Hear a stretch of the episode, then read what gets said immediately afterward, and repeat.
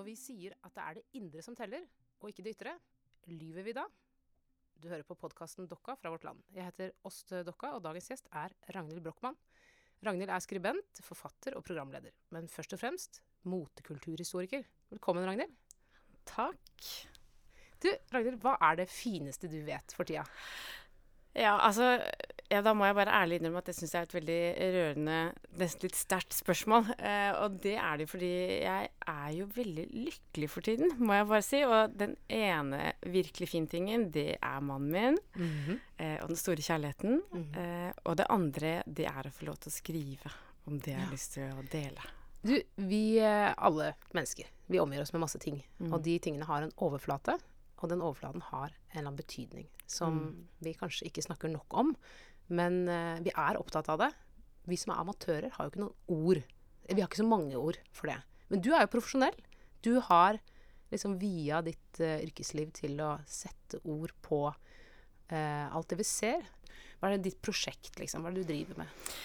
Eh, for å begynne i det store prosjektet, så er jo prosjektet mitt å eh, skaffe til veie eh, ikke bare en ny nysgjerrighet, men et stort og tilgjengelig språk for den visuelle kulturen. Mm. Um, og det er jo et kall som selvfølgelig handler om at dette er noe jeg er grunnleggende ekstremt uh, interessert i. Men også med den sterke vissheten om at vi lever i et samfunn, som du så fint sa, som, som er et sted hvor vi aldri har hatt flere ting. Men kan vi argumentere for aldri mindre kunnskap om hva disse tingene ja. er for noe. Mm. Og vi lever i et samfunn hvor språket om tingene, om det er interiør eller madrassen din eller ferieturen din eller hotellet du har valgt eller skoen du kjøper, er nesten utelukkende dirigert av markedskrefter. Ja. Eh, og det er også et språk. Men det eh, har for det første en veldig gitt agenda. Eh, kjøpe og selge. Og så har det eh, et premiss som er at det skal fange oppmerksomheten din svært fort å få deg til å føle på en gitt måte rundt dette produktet, istedenfor å lære deg hva det egentlig er for noe, hva det er godt for, hva det betyr i den større konteksten, eh, og i det hele tatt en større samtale om hva kvalitet er for noen ting. Hvorfor gjør vi som vi gjør? Hvorfor er det stor forskjell fra, fra en eh, klasse til en annen? Eh, hvorfor har bestemora di eh, små kruller på hodet fortsatt, mens eh, du har det langt, sånn som i vikingtiden? Altså, det fins så ufattelig mange nyanser og så utrolig mange innganger til å forstå samfunnet gjennom den visuelle kulturen. Men det gjør jo ikke de kommersielle kreftene, og det gjør i veldig stor grad heller ikke avisene. Og jo mindre kulturanmeldelser og kulturkritikk det skrives, og kan skrives, fordi kutt må gjøres, og avisene skal prøve å gå fremtiden i møte og ikke gå under, eh, ja, så blir det jo enda mindre språk. Mm. Da blir overflaten bare stum. Da blir den jo bare overflaten. Ja, da går vi tilbake til den uh, utrolig triste, fordomsfulle forståelsen av at uh, visuell kultur er noe vi alle ønsker oss, men skammer oss over å mm. ønske. Mm. Akkurat det skal vi snakke mer om etter hvert. Mm. Um, jeg uh, eh, når jeg kjeder meg av og til, og er på et sted med mange, mange mennesker, mm. så hender det at jeg eh, prøver å se om det er noen i nærheten som jeg kunne ha skifta klær med og vært komfortabel med mm. det de har på seg. Og en gang så var jeg i, i Dyreparken i Kristiansand mm. en hel dag med ungene og, og mannen min. Og eh, i hele den svære parken full av mennesker på min egen alder, så fant jeg én dame som hadde klær som jeg kunne gått i. Uh, det var helt rart. Og da tenkte jeg hvor, uh, Hvorfor er det sånn jeg, tenker at dette er en form for kresenhet som ikke er sofistikert. Altså det, det, er på en måte bare sånn Jeg kan ikke ha på meg det. det den er helt sånn taus, men det, det, går ikke an for meg å gjøre det. Men den der personlige knyttinga til tingene, hvorfor er den så sterk? Hvorfor er det så viktig eh, hva akkurat jeg har på meg? Og at jeg ikke kunne tenke meg å ta på meg liksom, jakka til hun der borte. Nei, det er jo fordi at alt det vi har rundt oss, alle tingene vi, vi lever livene våre med og gjennom, er jo oss. Eh, det er ikke tull eh, på noen som helst slags måte, og det er ikke uviktig på noen som helst slags måte, fordi at dette her er jo det er jo de materialene vi har valgt eh, med et stort kunnskapsregister om, om, hvorfor vi vil ha disse tingene. Og jeg tror alle kan jo gjøre den øvelsen at selv om man ikke har noe språk for hvorfor man liker den tekanna man liker, eller stolen man liker, eller sånn og sånn parkett, så betyr ikke det at det ikke fins eh, et hav av referanser som man egentlig sitter med. Helt fra man er bitte, bitte liten og veldig visuelt var, som små barn jo gjerne er, og veldig tydelig på hva slags sko og hva slags dress og ikke man vil ha på seg, eh, så, så, sitter jo alle på et stort eh, øsekar av kunnskap om seg selv og verden rundt, selv om det ikke er så mye språk der. Eh, og hvorfor det? Jo, men det er på, på, den ene siden så enkelt som at vi går rundt i verden. Hva er den? Jo, det er jo mennesker som hele veien er pakket inn i klær. Hele tiden mm. er skrevet inn i en motelogikk som all, Alle klærne som produseres, er skrevet inn i samme motelogikken, uansett om noe er mer eller mindre moteriktig. Alt går gjennom det samme systemet. Alt er eh, basert på valg som er tatt av mennesker, selv om man kan si så mye man vil at man ikke egentlig er så interessert og hater mot og syns det er teit, liksom. Men men det stemmer ikke, da, dessverre. Eh, og så alt Alt det du ser rundt deg, øynene våre er og blir de største informasjonstankerne vi har. Vi bruker dessverre hendene våre altfor lite, om du spør meg, til å skjønne, skjønne oss på verden rundt oss. Så, så verden er jo så eksepsjonelt visuell. Og vi leser jo realiteten hverandre arbeidsplassen, den pulten jeg har fått låne nå, i så 100 eh, stor grad med, med, øynene våre. Og det er sånn vi skaper mening, og det er sånn vi genererer uh, trygghet. Det er sånn vi skjønner hvem vi egentlig har lyst til å leke med, hvem vi kunne tenke oss å jobbe sammen med hvis vi er på en sånn konferanse, hvem vi har lyst til å sitte ved siden av på middagen, hvem vi definitivt ikke vil, kjæresten vi kanskje får, ikke får. Alt det her er jo et stort uh, visuelt uh, apparat som vi administrerer og bygger videre på gjennom hele livet.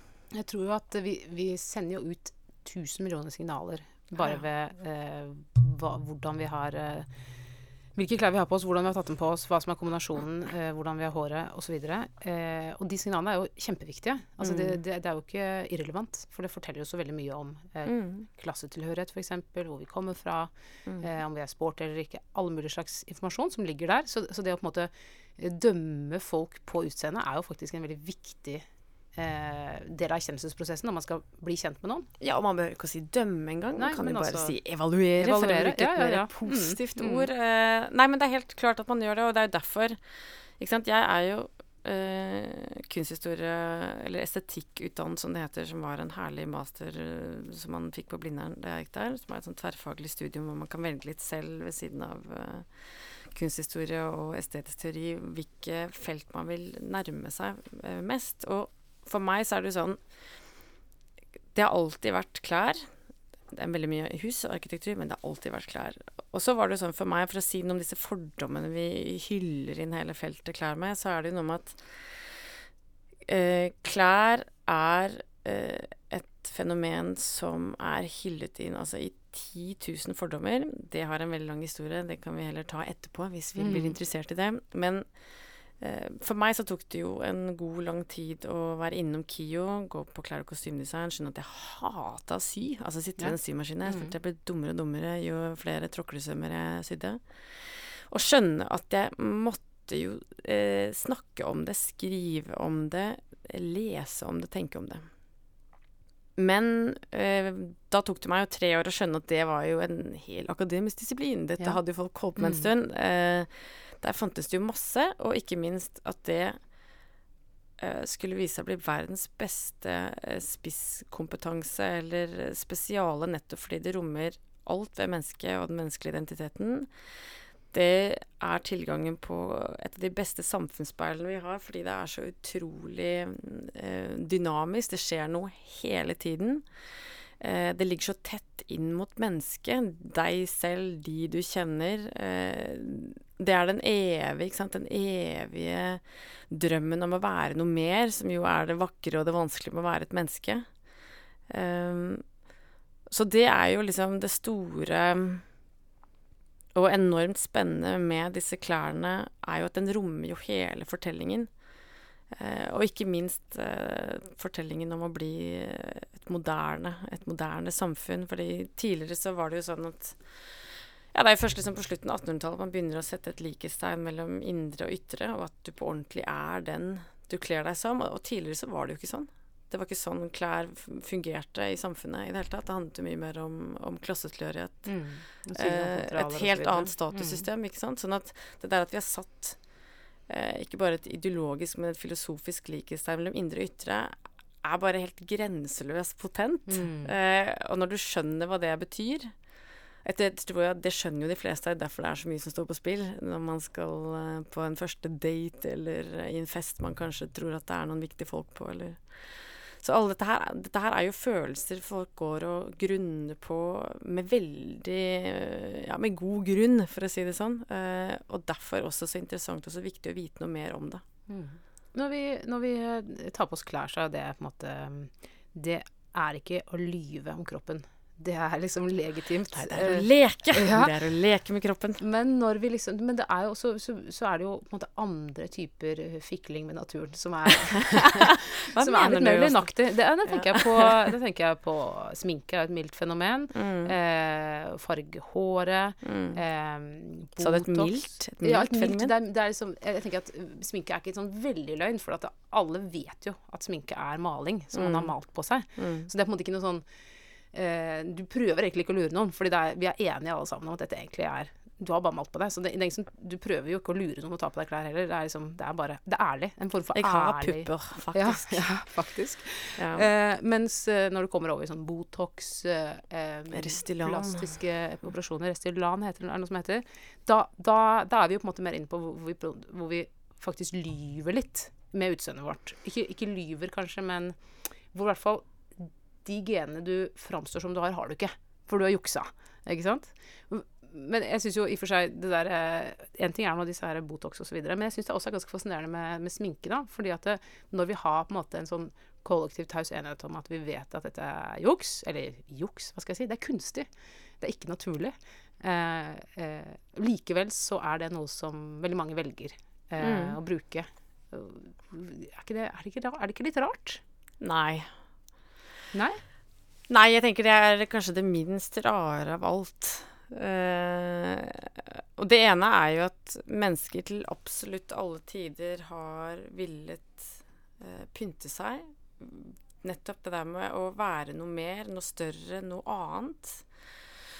Det er jo et uttrykksbehov.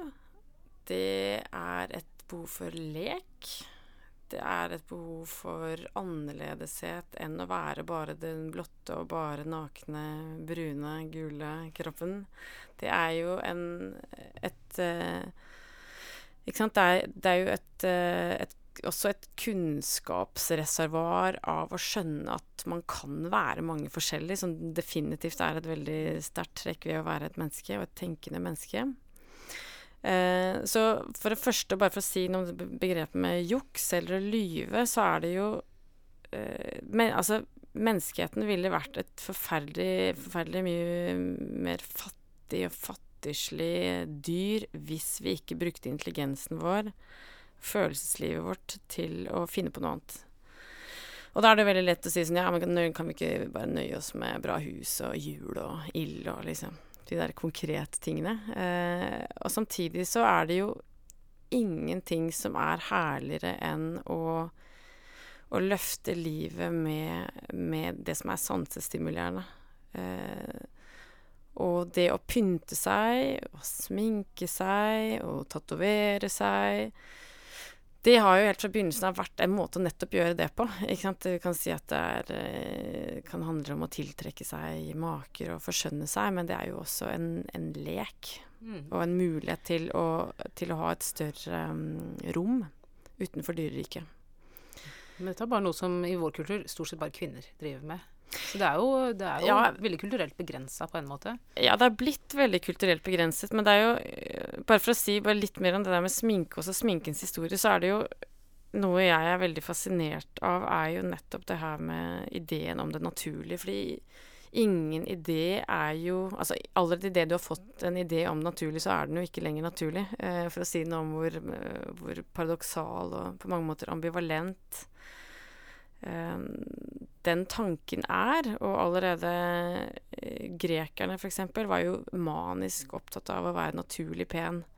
Eh, som betydde å påføre seg hvite sinksalver, sånn at man ble blek. Det handlet om å, å klippe av geitehår, sånn at man kunne sette på et sånt monobryn, for det var sett på som det vakreste. Farge håret sitt rødt, Okay. fordi det var et um, eh, Sett på som ekstra vakkert skjønt, ikke sant. Og det er jo sånn som nå, f.eks. hvis man lager en eh, nyinnspilling av uh, Troja og alt som skjedde der, og man skal ha en Helena-skikkelse, så vil hun definitivt ikke se ut som eh, Diane von Kruger, som var den siste, tror jeg. Blått og bar og litt sånn Mm. eh, Ja, litt sånn sminket som en brud, vil jeg si. Litt Mm. sånn lipgloss og litt sånn plukkede øyenbryn. Det er ikke historisk korrekt i Hollywood, altså? Det er Nei, ikke sant? Hvorfor ikke? Fordi vi forstår, vi vil jo Ja, ikke forstå det. Eh, tvert imot så mener man jo nå, basert på gamle, eller nyere forskning og gamle fresker som man har gravd opp igjen, at eh, hun hadde enormt tegnede eh, rød kinn, eh, et rødt farget hinna og henda-hår, dette monobrynet med kunstige dyreskinnsdeler, altså en, en, en ekstremitet inni det. Ikke sant? Og det er jo også noe med hvor søren skal man putte overskuddet sitt, da, særlig hvis du sitter på toppen av et lite samfunn. Mm. Hvor, hvordan skal du markere at du er noe mer enn de andre? Ja. Eh, vi, vi har så enormt eh, Ikke bare lekebehov, men selvmarkeringsbehov. Ikke sant? Så, så når vi går inn i, i sminkeforståelsen eh, fremover til i dag, så er det jo sånn at menn slutter jo å sminke seg omtrent sammen med den franske revolusjonen Ja. og hele fallet av det gamle aristokratiet. Og blir jo med, ikke så merkelig nok, sett på som superdekadent og latterlig, og, og, og etter hvert også et ekstremt feminint. Og det som er motens og sminkens og lekens eh, store problem når vi kommer til menn, er jo nettopp at når menn blir det vi kan kalle moderne og rasjonelle postrevolusjonen, inn i 1800-tallet. Flere og flere menn, nesten alle etter hvert, får jo stemmerett. Eh, det blir et bedre kår. Vi er på vei inn i, industrialismen sin tidsalder. Dampmaskinene synger. Alt er bra.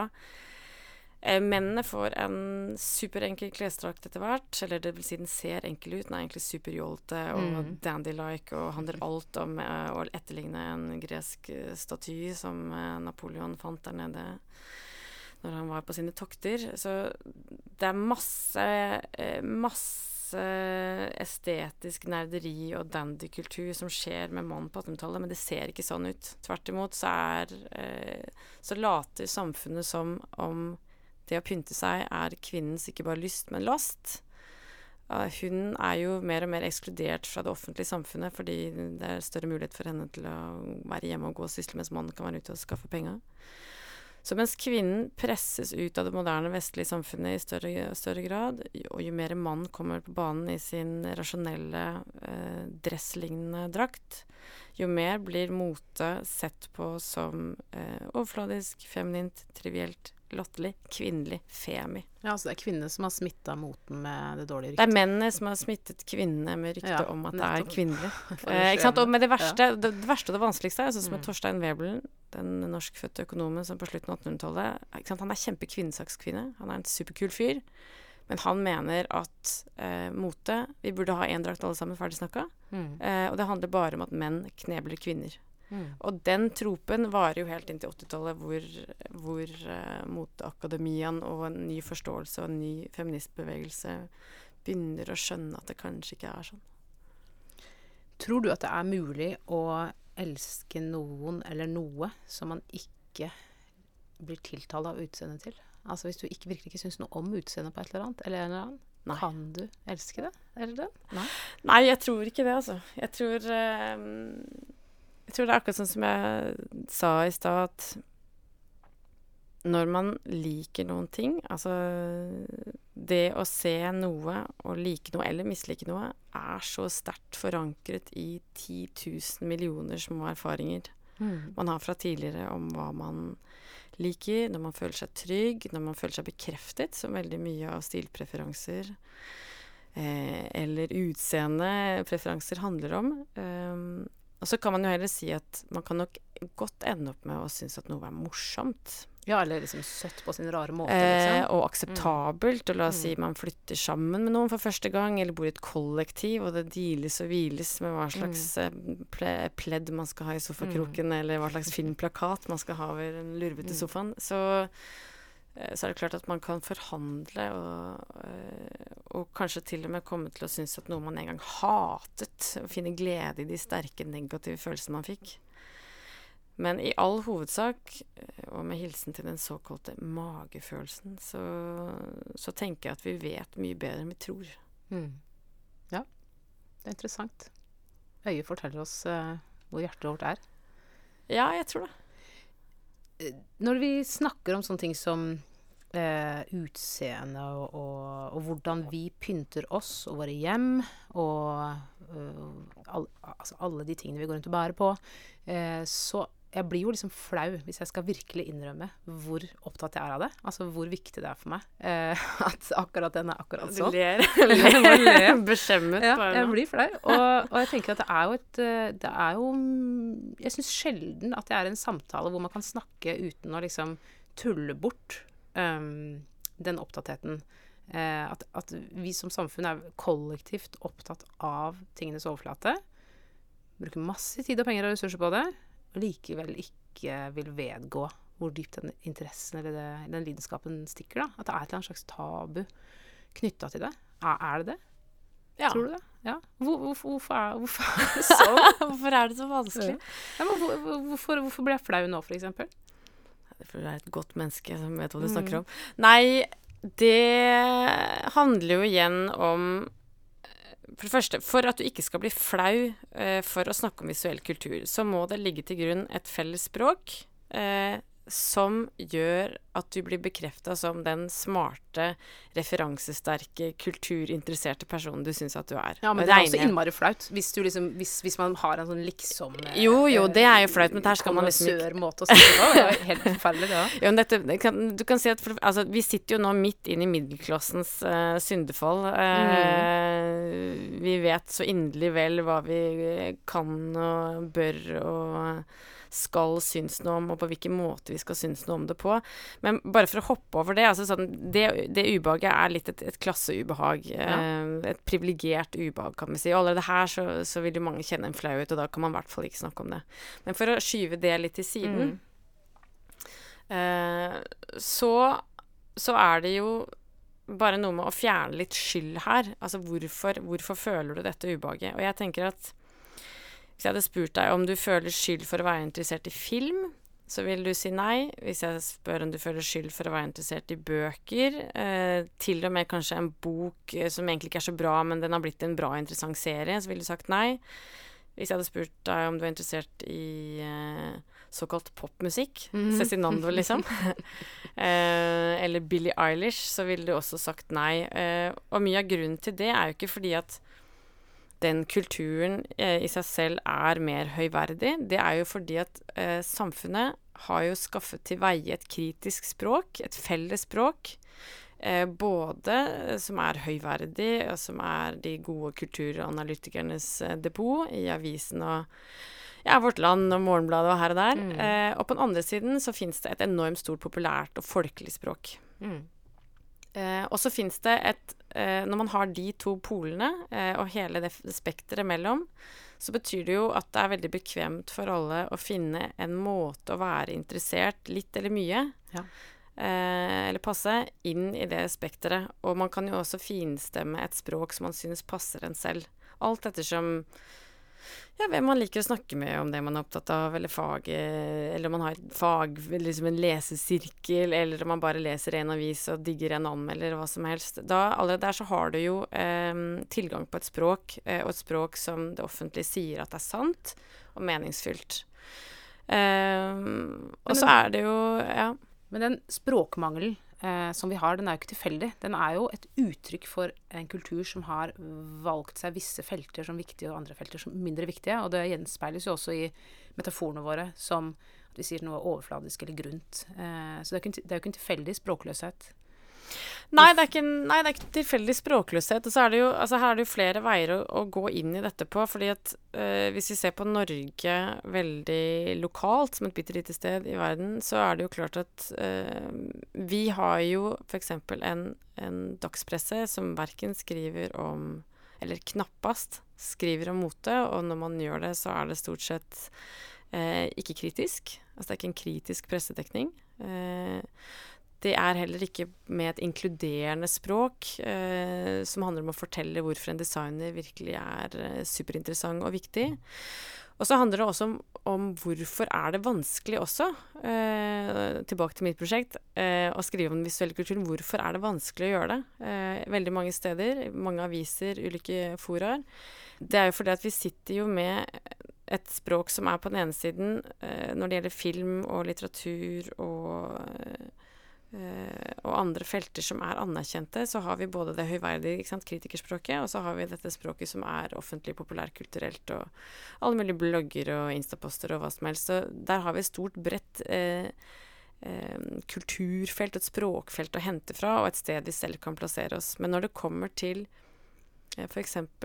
klær, da, eller, eller interiørdesign, eller hvordan et godt plassrom i en by egentlig skal formes, så er det heller ikke så lett å skrive godt og tilgjengelig om det bare fordi at denne eh, Referansene fins ja. jo ikke der på Nettopp. samme måte som om vi f.eks. snakker om Bob Dylan, hvilken fase ja. er du mest glad i? Mm. Eller eh, la oss si eh, Justin Bieber nå, hvorfor er interessant eller ikke? De fleste kan si noe om det, og noe ganske vel, noen velvalgte fraser om det fordi man nettopp har hørt masse på musikk og vært eksponert for et, et rikt musikkspråk helt fra man er bitte liten. Og det som er litt av problemet i, i samfunnet i dag, og i norsk uh, offentlig ordskifte, er jo at vi må jo bygge det helt opp fra grunnen igjen. Og det betyr jo ikke at det ikke fins uh, fagmagasiner og kjempegode fagmiljøer og eh, en sterk interesse der hvor den kulturen dyrkes. Men det fins veldig liten språklig overføringsverdi inn til det offentlige. Mm. Men, og dette er jo også et utdanningsspørsmål. At ja. vi nettopp er så manisk opphengt i det teoretiske og det, det, det, boklærde, og veldig lite opptatt av hvordan hendene våre også er en uh, god mm. kanal til kunnskap. Mm. Den her interessen for uh, det visuelle, uh, er, kan den tippe over i forfengelighet? Og er det, er det, dumt? Kan vi gå for langt? Av og til så blir jeg jo helt gal av Hvis jeg bare går inn i en kiosk og ser alle interiørmagasinene, så tenker jeg at dette er et endetidstegn. At det er forferdelig. Eller å være på Ikea en dag, måtte ta stilling til veldig mange ting. Om det er fint eller stygt, eller om jeg skal ha det eller ikke ha det. Kan oppleves veldig, veldig slitsomt. Uh, at, man, at det tipper liksom over, at vi kan bli mette, og uh, det kan ta for stor plass. Det jo, jeg tenker at For det første så er det viktig å huske på at her er det jo to forskjellige ting. Altså, Det er et endetidstegn at vi sitter i en kultur med altfor mange varer. Altfor lave priser, altfor stor tilgang. Eh, og så er det noe som spiller tilbake på det forrige, nettopp at vi, vi har ikke en kultur lenger, eller et utdanningssystem som gjør oss i stand til å velge ja. på en god måte. Mm. Hva er en god stol? Hva er en god rygg? Eh, hvordan kan man skjønne at en billighylle knapt holder fem bøker eh, ja. uten å ha satt dem i sjøl mm. først? Jo, det handler jo om spenn i den der lille treplanken som Det er ikke tre, vet du. Det er sånn Nei, ikke sant. Det er ikke tre engang. Spon. Huntonittplate. Med folie. eh, ikke sant. Så det er jo noe med ja. at eh, Og det Allerede her så skjønner vi at det eh, feltet, å skjønne hva kvalitet i det visuelle er, enten om det handler om gode møbler eller et kunstverk eller et eh, klesplagg, det er jo fundert i fryktelig mye kunnskap. Men for at den kunnskapen skal være attraktiv, virkelig som dybdekunnskap, så tenker jeg at der, da må det mye mer tilgjengelig språk til rundt. Altså De fleste går jo og gremmer seg, sånn som deg, går jo og gremmer seg ikke fordi de selv egentlig mener at de har en dum interesse. Det er det ikke. Det er jo fordi de ikke eier et språk som de føler at representerer dem sjøl når de skal snakke om den interessen de har. Mm. Eh, og det er jo et kjempestort problem, ikke minst nå i en tid hvor vi helt opplagt må forbruke mindre, og det begynner å bli lettere å snakke om at vi skal det, og lettere å si at man kjøper brukt, og hvorfor man gjør det. Men da igjen så får jeg en veldig sånn Jeg har en sterk irritasjon overfor dette, fordi at det er også veldig talende for det store problemet som stikker under her, nemlig det språkløse, at vi må ha et slags sånn funksjonsimperativ. Eh, klima, ja. eh, fokus på å bruke mm. mindre. Eh, at vi må ha alt dette tekniske og funksjonelle. Det er lurt, det er smart. Eh, og en, et assisterende motiv for at det å eh, orientere seg i verden gjennom visuell kultur skal være eh, sterkt, meningsfylt, interessant. Ikke bare for en selv, men for andre. Um, så det er også en slags bønn fra meg til, til alle som blir mer og mer opptatt av det, ikke minst i et klimaperspektiv, at ære være det, det er kjempebra, men, men la det for guds skyld være en inngang til å eh, å finne, finne, ut av hva interessen egentlig handler om, og bare akseptere at det der med å, å velge en bra hylle eller et bra fliser til badet Hvorfor er det så utrolig slitsomt? Jo, fordi det er et fag ja. som er komplisert. Mm. Hva slags fugmasse bør man egentlig ha? Det vet vel ikke jeg. Det må jeg finne ut av. Mm. Eh, og om det tar 14 timer på YouTube å finne ut av det, og du legger det sjøl, ja, men da må det være topp. Ja, bortsett fra at du blir helt ødelagt av det. Og så tenker du resten av leiligheten får bare være hvit. ja, det må, ja det, men sant, selv om du blir ødelagt av det, så er det også en veldig sånn Det er, et, eh, det er jo et sted av anerkjennelse for å skjønne hva det koster å gjøre et godt valg. Eh, hvorfor det betyr det, eh, noe, at det er smertefullt å være usikker på om du velger riktig. For det er jo dette som skal være eh, miljøet ditt. Det er dette som skal bekrefte deg, og det skal bekrefte noen referanser du forhåpentligvis mener sjøl at er interessante. Mm. Om det handler om ikke sant? Om det handler om bare en følelse av et uh, 1600-talls Fermer-maleri du har sett en gang, for du bare syns paletten var så mm. jævlig fin, liksom. Eller om det er fordi du så et uh, bad, liksom. La oss si det var en Stenersen-villaen. Da tenkte søren heller så ikke være grønne fliser, da. Mm. Uh, ikke sant. Det handler jo om å har sett et eller annet og, og, opplevd noe som du føler at er uh, megetsigende å, å gjøre det. og så er det opp til deg å finne språket for det, før, under og etter. Vi er, jo, eh, vi er jo i Vårt Lands podkast her, så vi må innom um, det religiøse ved estetikken. Er, jeg tenkte litt på det at uh, selv så tilhører jeg en kirke i Oslo som jeg har tilhørt i mange år. Som jeg er glad i å være i, men som jeg syns er ganske stygg. Hvilken er det? Ja, det Vil jeg ikke si? det er, jo, nei, det er Lilleborg kirke. Og øh, den har, er jo fra arkitektonisk synspunkt sett en flott kirke, syns mange. Uh, men den er ganske ny. Jeg tror den er bygd på 50-tallet. 60, tenker jeg. 60 kanskje. Og jeg øh, skjems litt over å være enig med folkedypet i at gamle kirker er finere enn nye. Allerede her er det så mye interessant ja. Eh, info. Eh, fordi liksom folkedypet. Dagen, folkedypet. Enig med folkedypet. Det er der du skammer deg. Nei, men du, det er jo dag, Avisa Dagen hadde en kåring av Norges styggeste Eller Den norske kirke. Eh, den styggeste kirka innad Den norske kirke. Og da det figurerte altså Lilleborg, så det er ikke, noe, det er ikke helt off. Men, men da, da, merker jeg at jeg, jeg, jeg, vil ha litt sånn der eh, høy, høy himling og bueganger og søyler og den slags. Og jeg tror kanskje det har å gjøre med at um, for min del jeg, noe, jeg har ikke noe sånn emosjonell religiøsitet. Jeg har ikke noe sånn følelse av gudsnærvær og den slags type ting. Det, spiller, det, er, det er ikke noe for meg i det hele tatt. For meg er det måte, det intellektuelle, det er ordet og hva jeg kan tenke på, og så er det det jeg kan se og høre. Eh, det er det som er mm. viktig.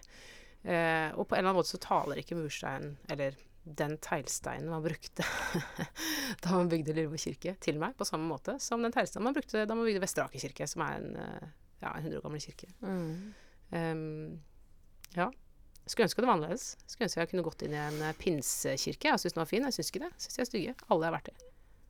Nei, altså jeg er jo selvfølgelig fullstendig enig med deg. Jeg en ting er jo at norske kirker nesten aldri er åpne, så det er jo på en måte allerede ja, der Det er ikke vanskelig å komme inn. Det er klokka elleve på en søndag. ja, én dag i uken. Én ja. dag i uken er jo helt uh, håpløst hvis mm. du skal bruke kirka som et uh, tenkerom, uansett mm. uh, religiøs eller ikke.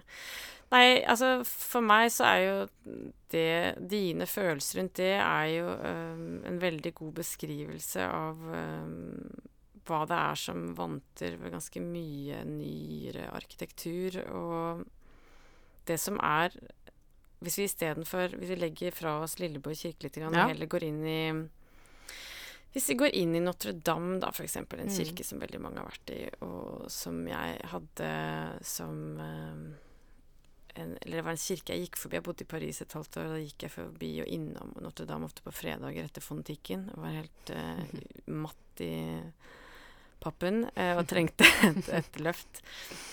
Um, og hva er det som slår deg når du kommer eh, Ikke bare når du kommer inn, når du står utenfor et gammelt uh, kirkebygg. Det er jo et bygg som er bygget i en tid hvor ekstremt mye penger, prestisje, uh, kunsthåndverk, uh, ferdigheter, ambisjoner, en idé om det kollektive, altså om samfunnet. Alt er jo bakt inn i dette kraftsentrumet av et bygg. Det er også, hvis vi går tilbake til Notre-Dame da, og, og høymiddelalder, så er det jo Det er jo en tid hvor, eh, hvor det koster Det koster så helt hinsides mange krefter å reise til. Så ekstremt mye ingeniørkunnskap, så vanvittig lange, tunge timer, så mange liv, så så enormt mye innsats. Mm. Eh, og alle disse følelsene som ligger i eh, hver minste lille flis av eh, benkene, altertavlen, vinduene, klerestorie Alt er jo ladet med, med bragden å bygge og bragden å ønske seg eh, noe storslagent. Og, er, og du, ser det jo. Du hører det i akustikken, og du mm, føler det jo på alle tenkelige vis. Og det er klart at det var helt sensasjonelt for de som opplevde det, det var eh, bygd nytt. Og så er det jo om mulig Om ikke vel så sterkt, så, i hvert fall ekstremt eh, rørende og virkningsfullt for ikke minst for meg som sekular eh, å komme inn i et bygg som er som forteller meg noe om, om et helt annet samfunn, en helt annen tid, tråkke på disse stenene som jo er glattet ut av alle disse føttene som har gått her. Eh, og skjønne at det en gang ikke engang var benker, fordi det var, mente man var unødvendig. De skulle stå, og de skulle Mm. høre ordet, og det var ikke engang på språket deres. Altså, det er, så, det er så enormt mange lag, og det er så enormt mye samfunnsforståelse. Eh, og så mye spiritualitet, eh, uansett om man tror eller ikke. Eh, fordi bygget er ment for å romme det, og, og det fungerer jo.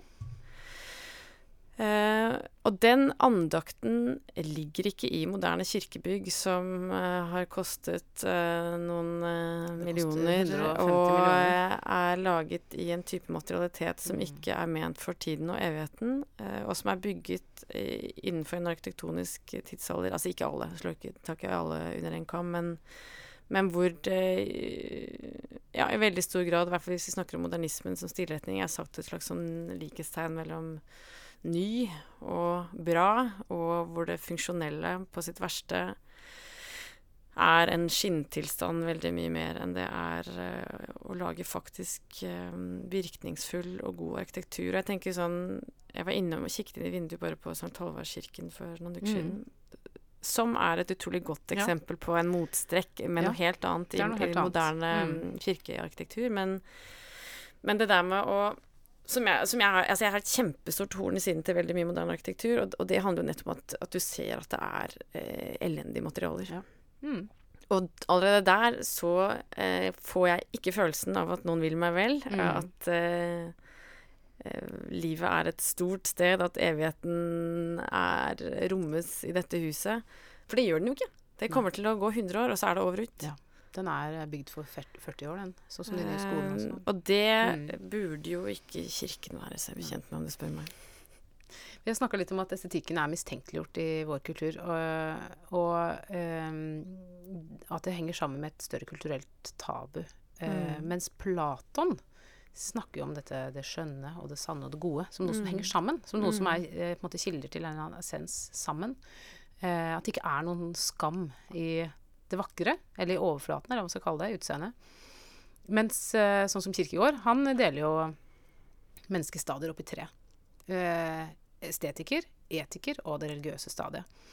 Og du, du er jo estetikeren i Morgenbladet, så du må bare omfavne det laveste stadiet her. Men, men, eh, for han er jo det estetiske stadiet liksom det hedonisme. Det er en form for egoisme som ikke anerkjenner menneskets etiske ansvar, eller at mennesket står overfor andre mennesker, eller religiøse, at mennesket står overfor Gud. Um, så, så, så, så, skal vi Altså, hva, hvor skal vi gå? Skal vi gå til Platon? Skal vi til Kirkegård?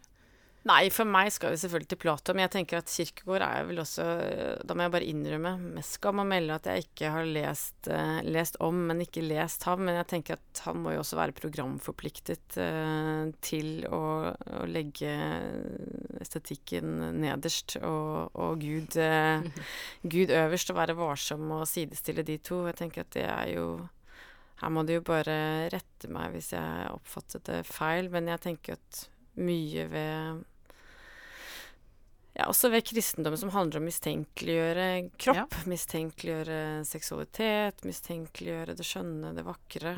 og det sanselige. Og det sanselige, ikke sant. Mm. I det hele mm. tatt er jo Det ligger jo også veldig dypt til grunn for hele den eh, Alle de vamle følelsene veldig mange har selv i dag. Og det er jo tilbake til uh, at det er viktig med gode kirker og kirkerom, uansett om man er religiøs eller ikke, så er det noe med at uh, det religiøse tankegodset er jo i så ekstremt stor grad felles eh, for oss alle sammen, og, har betydning for alle. Så, jeg, så, bare det der med å forstå at han sitter jo i en tradisjon hvor han ikke kunne tenke annerledes. Mm. Eh, det ville ikke falt i god jord om han hadde snudd stigen på hodet. Jo, ja, men han var jo en pietist, så altså. Han kunne jo på en måte Klart han, han var en pietist. Jo nesten samtidig, eller dels overlatt med Grundtvig, f.eks., som hadde et helt annet forhold til alt det vi kan ta i og se på og føle på. Hvis du bare ser for deg Kirkegård, ser for meg ikke en angstbitt, eh, tilkneppet, nevrotisk eh, mann. Eh, mm. Det er klart at det er vanskelig å åpne skjortebrystet og eh, nyte mm. eh, og tro på. Nytelsen mm. i det blotte og det bare, og tro at alt det gode følger etter, sånn som hos Platon. Jeg tenker at det er mye mer interessant også å kvitte seg med hele den stigeideen ja. til Kirkegård. Og så kan vi jo heller snu stigen og legge den eh, flatt på bakken og si som Platon at, eh, men er, men at vi begynner med at vi begynner med ikke sant? Vi begynner mm. i, i, kjøttet og mm. med øynene. Ja. Eh, og, og, stiger i gradene eh, derfra. Ja. Og at det ene jo aldri på noen måte skal utelukke det andre. Altså. Bare tanken er jo latterlig, spør du meg. Ja, men, men det, det, er jeg i og for seg enig i. Men uh, etikk, altså estetikken settes jo veldig ofte opp mot etikken. Mm. Um, det handler jo f.eks. om pengeprioriteringer. Altså hva skal vi bruke penger på? Skal jeg være opptatt av kjøkkenskap når folk dør i Middelhavet, liksom? Er det, mm. det er en sånn kontrastering hele veien. Mm. Uh, så, så, jeg tenker at det er jo er det ikke relevant å stille det spørsmålet også? Fins det en etisk slagside i estetikken, eller i hvert fall opptattheten av estetikk? Nei, altså jeg er jo veldig opptatt av at det er ikke noen, det er ikke noen likhetstegn. Altså du, La oss si å være interessert i estetikk er jo ikke det samme som å ha et problematisk forhold til, eh, til det etiske. Altså det For meg så er det jo eh, Det ene ekskluderer jo overhodet ikke det andre, fordi du setter jo estetikk eh, og bak estetikkordet ditt så står jo ord som overflate, som forfengelighet, eh, mm. i med negativt fortegn, mm. sånn som du bruker det. Som jeg ikke ville gjort, f.eks. Ja. Mm. Eh, og eh, sløseri, ikke sant. Mm. Eh, kanskje også uten at du vil det, en, en, en banal feminin kultur. Eh, det uviktige, det som mm. ikke handler om eh, å beskjeftige seg med det egentlige i livet. Alt det der. ikke sant? Mm. Jeg tenker at eh, At For meg er det jo nesten motsatt. For meg er jo det å være opptatt av estetikk, eh, og med mine ord bak estetikk, så er jo eh, omsorg Det er eh, interesse. Det er kunnskap. Det er eh, Det er jo evnen til å velge eh, velge noe man selv ønsker, med omhu, og ikke fordi man tror de andre vil at eh, ja, at man tror at man bør ha dette og dette kjøkkenet, eller sånn og sånt hjem, eller en sånn og sånn ferie, eller sånn og sånn bil, og alt dette her. Det handler jo om etikken i å finne ut av hva du selv egentlig liker. Og der er vi tilbake til alle disse utrolig komplekse og sammenfiltra tankene rundt, rundt estetikk. Det er jo nettopp fordi det krever ekstremt mye eh, å komme til en klarhet rundt eh, hva slags ting sanselige, eh, materielle objekter du ønsker å omgi deg med. Eh, hva det skal bety for deg. Eh, og at det er ikke bare greit, men eh, interessant, og en, og en måte som ikke er kontra det livet du egentlig vil ha, men en del av det. Mm. Så for meg så er jo det å leve eh, estetisk, og det vil jeg aldri si meg sjøl, jeg lever et estetisk liv, det er fantastisk. Eh, men sant, det å leve eh, med estetikk og sterk interesse for estetikk som, som en fane, det er jo bare å, eh, å bruke hele den visuelle verden som eh, et sted å lese samfunnet. Forstå seg sjøl på, forstå samfunnet med. Eh, glede seg over det. Fryde seg over det. Bli rasende ved det, som jeg også blir. Eh, mene at, uh, at, man har et ansvar med å, å skjønne alt litt bedre. Uh, og lære seg å lese det litt, hvis man ikke gjør det. Og så ikke koble det på hvor mye penger man eksakt bruker på kjøkkeninnredning eller ikke, for det er jo et annet spørsmål. Mm. Det er jo, først skal du finne ut hva slags kjøkken du vil ha, og så skal du jo finne en, en god håndverker og en fornuftig pris. Uh, og det kan jo være vanskelig nok, men det er, vits, det, det er, ikke noe vits, i å si at de to tingene er fryktelig vanskelig fordi de hele tiden står og kniver om oppmerksomheten. For uh, det er en Det er en, en falsk dualitet, da. Jeg tror kanskje vi like gjerne skal la det være siste det er en falsk dualitet mellom etikken og estetikken. Ragnhild Brochmann, tusen takk for at du kom. Du har hørt på podkasten Dokka fra vårt land.